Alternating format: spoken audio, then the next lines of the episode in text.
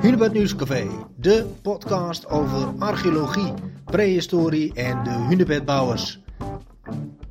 In het drieluik spreek ik met Geeske Langejans, archeologe en werkzaam aan de TU in Delft, de faculteiten Werktuigbouwkunde, Maritieme Techniek en Materiaalkunde. Eh, met haar spreek ik over werktuigbouwkunde, de prehistorie, lijmen aan de hand van drie vondsten. En we beginnen 50.000 jaar geleden in de tijd van de Neandertalers en we eindigen in het Neolithicum. Heel veel plezier! Geeske, uh, Schipluiden is een, uh, ja, een belangrijke vondstplek. Uh, ja, over welke periode hebben we het eigenlijk? Hoe, hoe lang geleden ja, zijn, dateren die vondsten? Ja, Schipluiden is zo'n 3500 voor Christus. Mm -hmm. Dus ja, dan zijn we, zijn we in het Neolithicum beland, hè? Het Neolithicum, ja, ja ons favoriete thuisvak natuurlijk. Ja, precies. maar nu is natuurlijk uh, mijn eigen specialisatie veel meer het Paleolithicum. Mm -hmm. En uh, de Mesolithische spitsen van, van Doggerland zijn voor mij soms al een, een exotisch uitstapje. Ja. Maar Schipluiden heeft wel een hele bijzondere vondst, ook voor mij. Ja, want uh, uh, ja, ondanks dat we dan dus nu uh, voor jou zo'n beetje in het moderne leven zitten, ja. welke vondst praten we over? Nou, er is in Schipluiden een, een teerklompje gevonden. Een teerklomp? En dat teer, een teerklompje, ja. Hm. ja. En in dit geval is het ook geanalyseerd.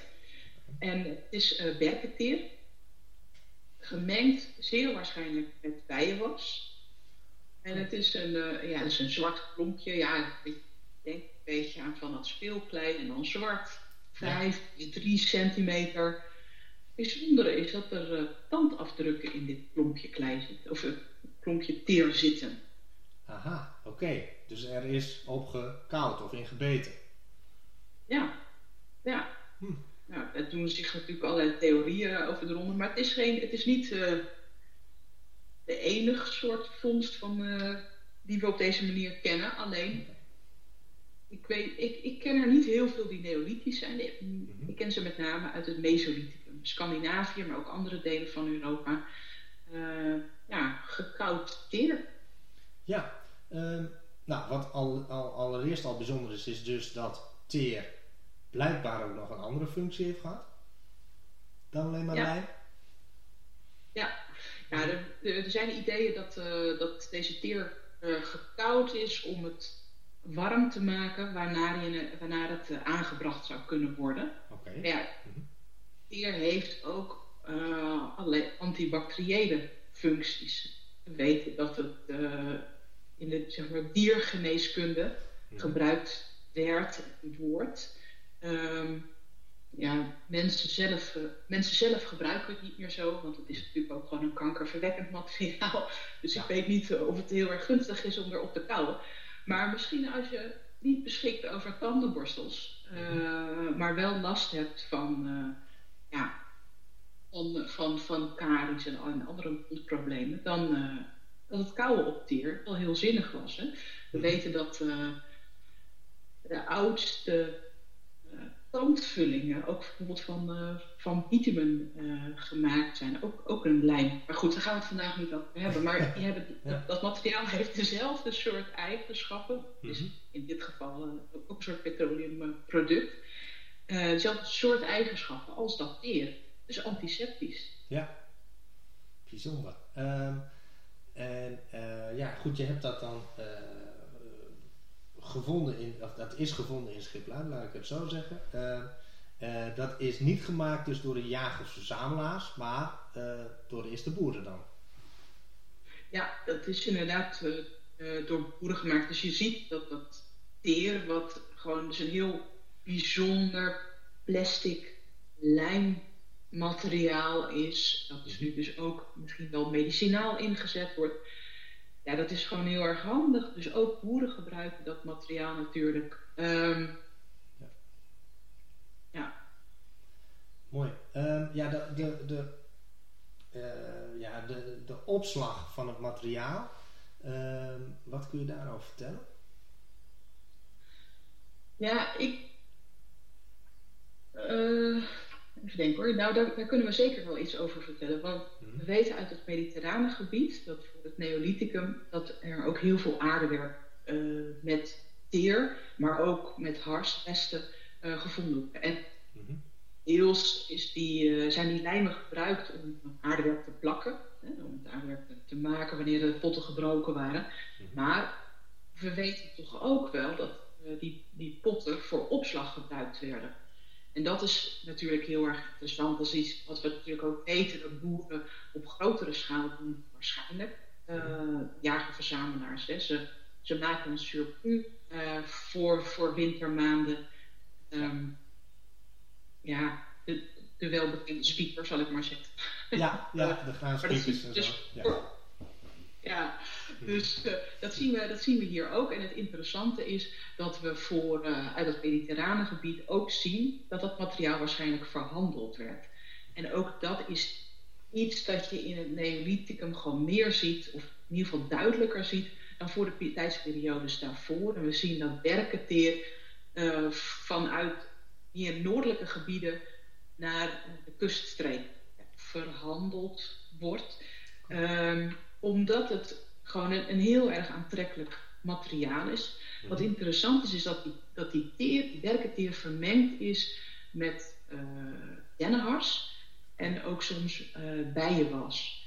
Mhm. En wat dat mengsel nou precies doet en waarom de vraag misschien aan het kustgebied heel groot was, is, is niet helemaal duidelijk. Heeft het, heeft het iets met boten of andere constructies te maken? Of gebruikte iedereen het gewoon eigenlijk heel veel, maar was er minder materiaal voorhanden in de kuststreek. Dat kan natuurlijk ook. Ja. Maar feit is wel dat het, uh, dat het dus uh, ja, verhandeld werd. En dat is um, wel interessant.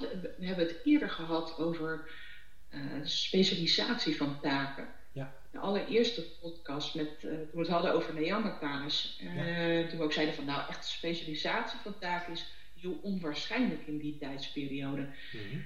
Als je dan nu ziet dat er ja, eigenlijk handel is, dit is natuurlijk in, in materialen, ja.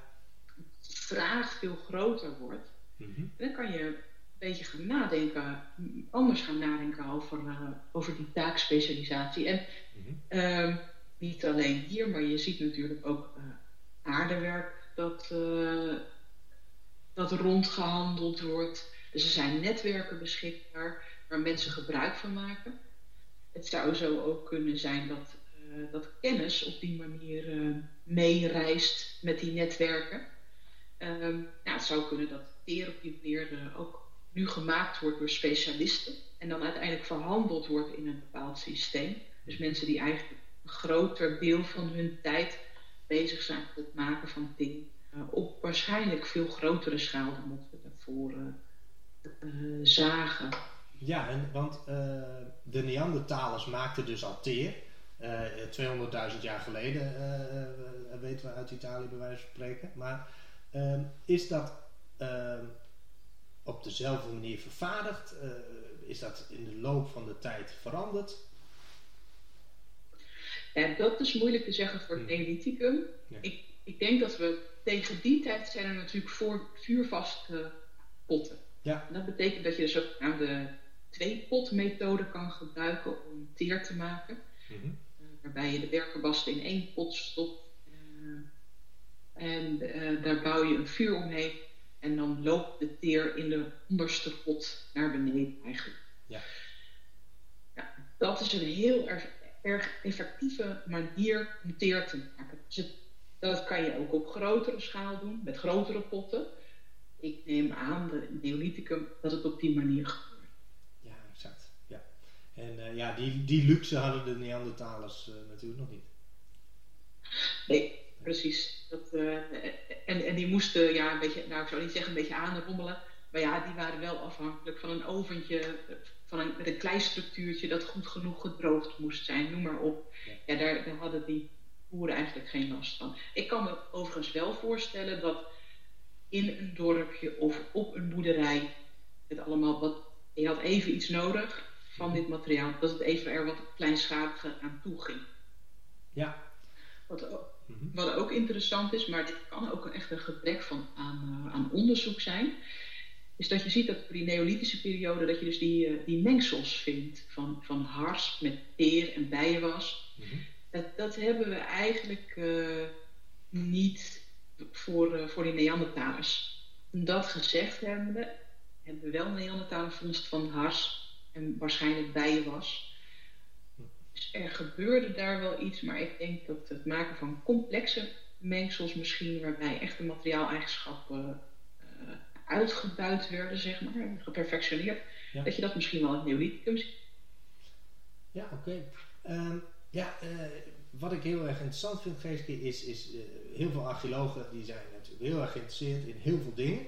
Ehm, maar lijm is daar in eerste instantie niet één van. En toch heb jij je daar eigenlijk heel erg in ontwikkeld. Hoe ben je op dat spoor terechtgekomen? Um, nou, ik, ik ben uh, zeg maar van huis uit uh, residu-specialist. Dus ik keek met een microscoop naar stenen werktuigen. En daar zag ik allerlei organische en inorganische resten. En dan probeerde ik het gebruik van die vuurstenen werktuigen of stenen werktuigen te reconstrueren. Ja. Dat is heel lastig, want heel veel materiaal vergaat. Mhm. Maar wat eigenlijk de tand destijds goed doorstaat, ja. is lijm. Ja. Dus die lijmresten die kwam ik uh, steeds op een of andere manier wel weer tegen. En of dat dan nu okervlekken waren op Zuid-Afrikaanse werktuigen, als, eigenlijk als wat er nog overgebleven was van, uh, van de, de, meer wateroplosbare lijmen die daar gebruikt werden, mm -hmm. tot, uh, tot zwarte, ja, teerachtige substanties op Europese werktuigen. En zo is eigenlijk die interesse begonnen. Ja. ja. Um, en inmiddels heb je dat best wel ver doorontwikkeld. Met, met, met een team en met andere mensen natuurlijk. Maar uh, uh, in die zin heb jij een behoorlijk specialisme ontwikkeld.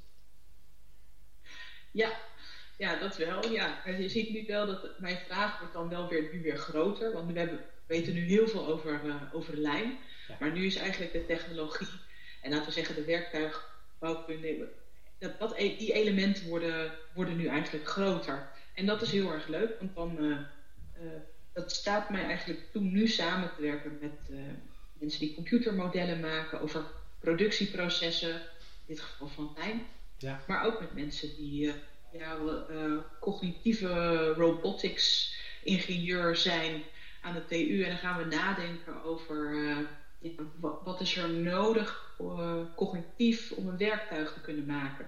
Okay. Beginnen we heel simpel. Mm -hmm. uh, met dingen die uh, de vroege steentijd in het Oldewan gemaakt zijn. Ja, misschien komen we op een dag ook wel bij lijm weer uit.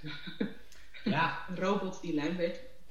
ja, mooi. Ja, misschien is het een veel te grote vraag, maar ik stel hem toch. wat, welke rol heeft lijm gespeeld in de ontwikkeling van de mens? Um, ja, dat is een hele grote vraag. Groot, hè? Er, er, is, er is een, uh, een soort theoretische stroming uh, binnen de archeologie die, die stelt dat het materiaal en de omgeving waar je in leeft, dat je daar ook door beïnvloed wordt. Ja. En in die zin is lijm interessant. Of het het enige materiaal is, dat weet ik niet.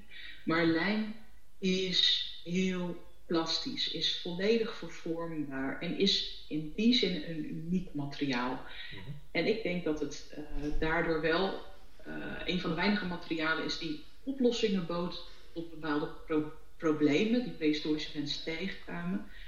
Uh, van het dichten tot gaten, het water dichtmaken, het makkelijk kunnen aanbrengen op bepaalde manieren. Dus ik denk dat het een hele grote rol heeft gespeeld en ik denk ook dan mag je niet zeggen plastisch materiaal, plastisch brein. Ja. Maar dat zou een interessante gedachte kunnen zijn. Je zou ook, uh, ja mooi. Ja, je zou dus ook kunnen zeggen dat lijm heeft bijgedragen aan het idee dat uh, de wereld maakbaar is. Ja, dat zeg jij, maar dat vind ik wel heel erg mooi gezegd. Oké, okay, mooi zo. Dankjewel Geeske. Ja. Even kijken. Ja, je zei dat uh, de, ja, eigenlijk het Neolithicum men ja, zich meer ging specialiseren. Uh, ja, welke invloed heeft dat uh, ja, eigenlijk op de technologische ontwikkelingen? Ja, ik denk dat, die, dat daar verschillende fases in het neolithicum zijn waarbij die ontwikkelingen opeens heel snel gaan. Mm En um, is natuurlijk de, de uh, veranderende behoeften. Inderdaad, dus omdat er een surplus is, kunnen mensen zich ook richten op het ontwikkelen van technologie. En of dat nu echt super specialistisch is of, of nog niet helemaal, dat, dat durf ik niet te zeggen. Maar eh, uiteindelijk moet toch iemand de ploeg bedacht hebben. Hè? Ja. Dat gebeurt in fases. Eerst uh, met ja, een soort stok die je eigenlijk door de grond trekt. Uh, en vervolgens de ontwikkeling van een echte ploeg die dan ook nog eens door een externe krachtbron, hè, het lastdier, getrokken wordt. Ja. Dat zijn, uh, kom er maar dat zijn enorme technologische ontwikkelingen. Ja. Maar, ja, kom er maar eens op. Ja, kom er maar eens op, inderdaad. En het, uh, dus, um, maar je ziet ook, weet je, uh, mensen ontdekken uh, het wiel. Dus het lastdier kan nu ook gebruikt worden voor het transport bijvoorbeeld, hè, bijvoorbeeld die lijmen die toch ook maar overal naartoe getransporteerd moeten worden. Ja. Um, maar denk ook aan huizen. Mensen gaan dus op plekken bij elkaar wonen. Die huizen, die structuren, die vinden we nu ook terug. Dat hebben we voor het Mesolithicum natuurlijk niet op die schaal. Maar architectuur en, en bouwkunde, ja, er, er, zit een heleboel technologie, een heleboel kennis achter. Uh, nogmaals, ik weet niet of mensen echt uh, specialist waren. Maar je ziet wel dat er dat kennis verzameld wordt en uh, ook ja, ja, natuurlijk heel goed overgedragen moet worden naar een volgende generatie, die ook weer zo'n huis moet bouwen. Dus misschien ook wel een paar keer moet meemaken hoe zo'n huis in elkaar gezet wordt. je zei dat de, ja, eigenlijk het Neolithicum men ja, zich meer ging specialiseren. Uh, ja, welke invloed heeft dat uh, ja, eigenlijk op de technologische ontwikkelingen? Ja, ik denk dat, die, dat daar verschillende fases in het neolithicum zijn waarbij die ontwikkelingen opeens heel snel gaan. Mm En um, is natuurlijk de, de uh, veranderende behoeften.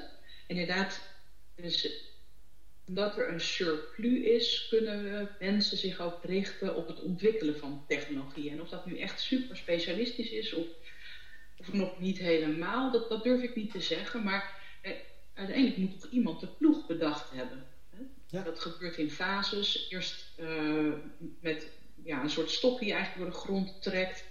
Uh, en vervolgens de ontwikkeling van een echte ploeg die dan ook nog eens door een externe krachtbron, hè, het lastdier, getrokken wordt. Ja. Dat zijn, uh, kom er maar dat zijn enorme technologische ontwikkelingen. Ja. ja, kom er maar eens op. Ja, kom ja. er maar eens op, inderdaad.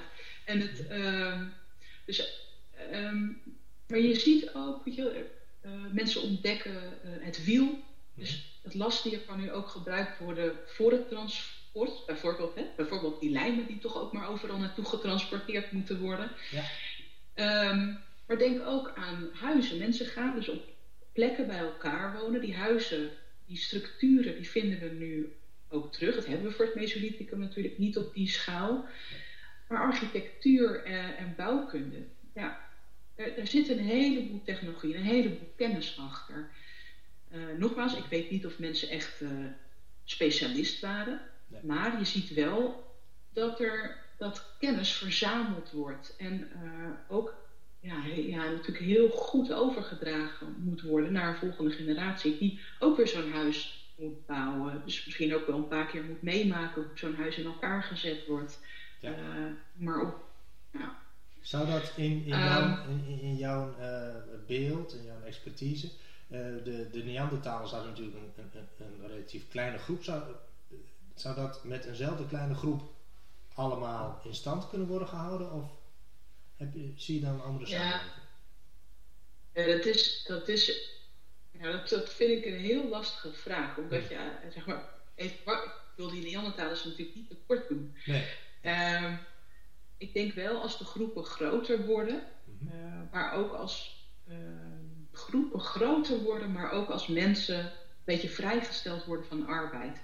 Dus het is een combinatie van uh, socio-economische factoren. En je kan niet alleen maar zeggen de groep wordt groter en daardoor nee. kunnen mensen zich specialiseren of kunnen er technologische ontwikkelingen plaatsvinden. Ehm, er, er, moet ook genoeg te eten zijn aan het eind van de nacht voor al die mensen. Ja.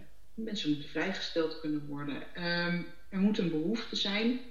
Ja, in het Neolithicum merk je dat soort ontwikkelingen natuurlijk. Dat je heel extreem in Mesopotamië, dan zit je natuurlijk een beetje in de metaaltijden, maar waarbij je heel top-down organisatie hebt van, van arbeid en middelen, en dan gaat het natuurlijk heel hard. En dan heb je zeker wel specialisatie. En dan, uh, en dan zie je dat hoe, met hoe meer mensen je bent, hoe beter. Ja, mooi. Uh, ja, ja uh, je hebt ook een, ja, een stroming, noem ik dat dan maar even, van mensen die denkt dat er een speciale bouwgroep is geweest in Neolithicum die de hunebedden uh, heeft gebouwd. Hoe kijk jij daar tegenaan? Nou, dat is, dat is interessant. Hm. Want ik, uh, het eerste wat mij in, mijn gedachten op is dat, dat, dat, dat je zeker als je dit seizoensmatig zou bekijken, mm hè, dat, dat mensen op bepaalde momenten, wanneer, wanneer er misschien minder op het veld gewerkt uh, hoefde te worden of zo, dan dat dat ja, dat, dat, moet wel ja, moet kunnen. Ik weet niet genoeg van het Neolithicum. Hmm. Maar ik zie wel dat het bouwen van hunebedden, ja, daar, zijn bepaalde, daar is bepaalde technologische kennis voor nodig. Ja. Ehm, die je op die manier bij elkaar weet te krijgen. Hmm. Je hebt natuurlijk nog niet echt een staat. Maar er is wel een heel duidelijke behoefte om die voorouders op een bepaalde manier te behandelen. Ja, die kan heel erg groot en belangrijk zijn voor mensen natuurlijk. En nou ja, het, het, het, maken van hellingen, noem maar op, dat zijn allemaal technologische oplossingen. Mhm. Ja, die ook misschien een beetje geheim gehouden kunnen worden door een bepaalde groep, hè? waardoor ze belang hebben. Mhm. Ja, ik, ik, vind het in ieder geval een heel erg interessante gedachte. Ja, uh, wat ik heel erg interessant vind, Geeske, is, is uh, heel veel archeologen die zijn natuurlijk heel erg geïnteresseerd in heel veel dingen. Uh, maar lijm is daar in eerste instantie niet één van. En toch heb jij je daar eigenlijk heel erg in ontwikkeld? Hoe ben je op dat spoor terechtgekomen? Um, nou, ik, ik ben uh, zeg maar van huis uit uh, residu-specialist. Dus ik keek mhm. met een uh, microscoop naar stenen werktuigen. En daar zag ik allerlei organische en inorganische resten. En dan probeerde ik het gebruik van die vuurstenen werktuigen of stenen werktuigen te reconstrueren. Ja. dat is heel lastig, want heel veel materiaal vergaat. Mhm. Maar wat eigenlijk de tand destijds goed doorstaat, ja. is lijm. Ja. Dus die lijmresten die kwam ik uh, steeds op een of andere manier wel weer tegen. En of dat dan nu okervlekken waren op Zuid-Afrikaanse werktuigen, als, eigenlijk als wat er nog overgebleven was van, uh, van de, de, meer wateroplosbare lijmen die daar gebruikt werden, mm-hmm. tot, uh, tot zwarte, ja, teerachtige substanties op Europese werktuigen. En zo is eigenlijk die interesse begonnen. Ja. ja. Um, en inmiddels heb je dat best wel ver doorontwikkeld met, met, met een team en met andere mensen natuurlijk. Maar uh, uh, in die zin heb jij een behoorlijk specialisme ontwikkeld. Ja, ja, dat wel. Ja. je ziet nu wel dat mijn vraag wordt dan wel weer, nu weer groter. Want we hebben, weten nu heel veel over, uh, over lijm. Ja. Maar nu is eigenlijk de technologie en laten we zeggen de werktuigbouwkunde. Dat, dat, e-, die elementen worden, worden nu eigenlijk groter. En dat is heel erg leuk, want dan uh, uh, dat staat mij eigenlijk toe nu samen te werken met mensen die computermodellen maken over productieprocessen, in dit geval van lijm. Ja. Maar ook met mensen die ja, cognitieve robotics ingenieur zijn aan de TU. En dan gaan we nadenken over ja, wat, wat, is er nodig cognitief om een werktuig te kunnen maken. Okay. Dan beginnen we heel simpel. Mm -hmm dingen die uh, de vroege steentijd in het Oldewan gemaakt zijn. Ja, misschien komen we op een dag ook wel bij lijm weer uit. Ja. een robot die lijm weet. ja, mooi. Ja, uh, misschien is het een veel te grote vraag, maar ik stel hem toch. Uh, wat, welke rol heeft lijm gespeeld in de ontwikkeling van de mens? Um, ja, dat is een hele grote vraag. Groot, hè? Er, er, is, er is een, uh, een soort theoretische stroming uh, binnen de archeologie die, die stelt dat het materiaal en de omgeving waar je in leeft, dat je daar ook uh, door beïnvloed wordt. Ja. En in die zin is lijm interessant. Of het het enige materiaal is, dat weet ik niet. Maar lijm is heel plastisch, is volledig vervormbaar en is in die zin een uniek materiaal. Mhm. En ik denk dat het uh, daardoor wel uh, een van de weinige materialen is die oplossingen bood tot bepaalde pro problemen die prehistorische mensen tegenkwamen. Uh, van het dichten tot gaten, het water dichtmaken, het makkelijk kunnen aanbrengen op bepaalde manieren. Dus ik denk dat het een hele grote rol heeft gespeeld. En ik denk ook nou mag je niet zeggen plastisch materiaal, plastisch brein. Maar dat zou een interessante gedachte kunnen zijn. Je zou ook, uh, ja mooi. Ja, je zou dus ook kunnen zeggen dat lijm heeft bijgedragen aan het idee dat uh, de wereld maakbaar is. nou, dat zeg jij, maar dat vind ik wel heel erg mooi gezegd. Oké, okay, mooi zo. Dankjewel Geeske. Dit was alweer een podcast van het Hunebed Nieuwscafé. Bedankt voor het luisteren. Heb je nu vragen of een tip voor een mooi onderwerp? Mail dat er even naar mij naar gklompmaker.hunebedcentrum.nl En vergeet niet, elke woensdag weer twee nieuwe episodes.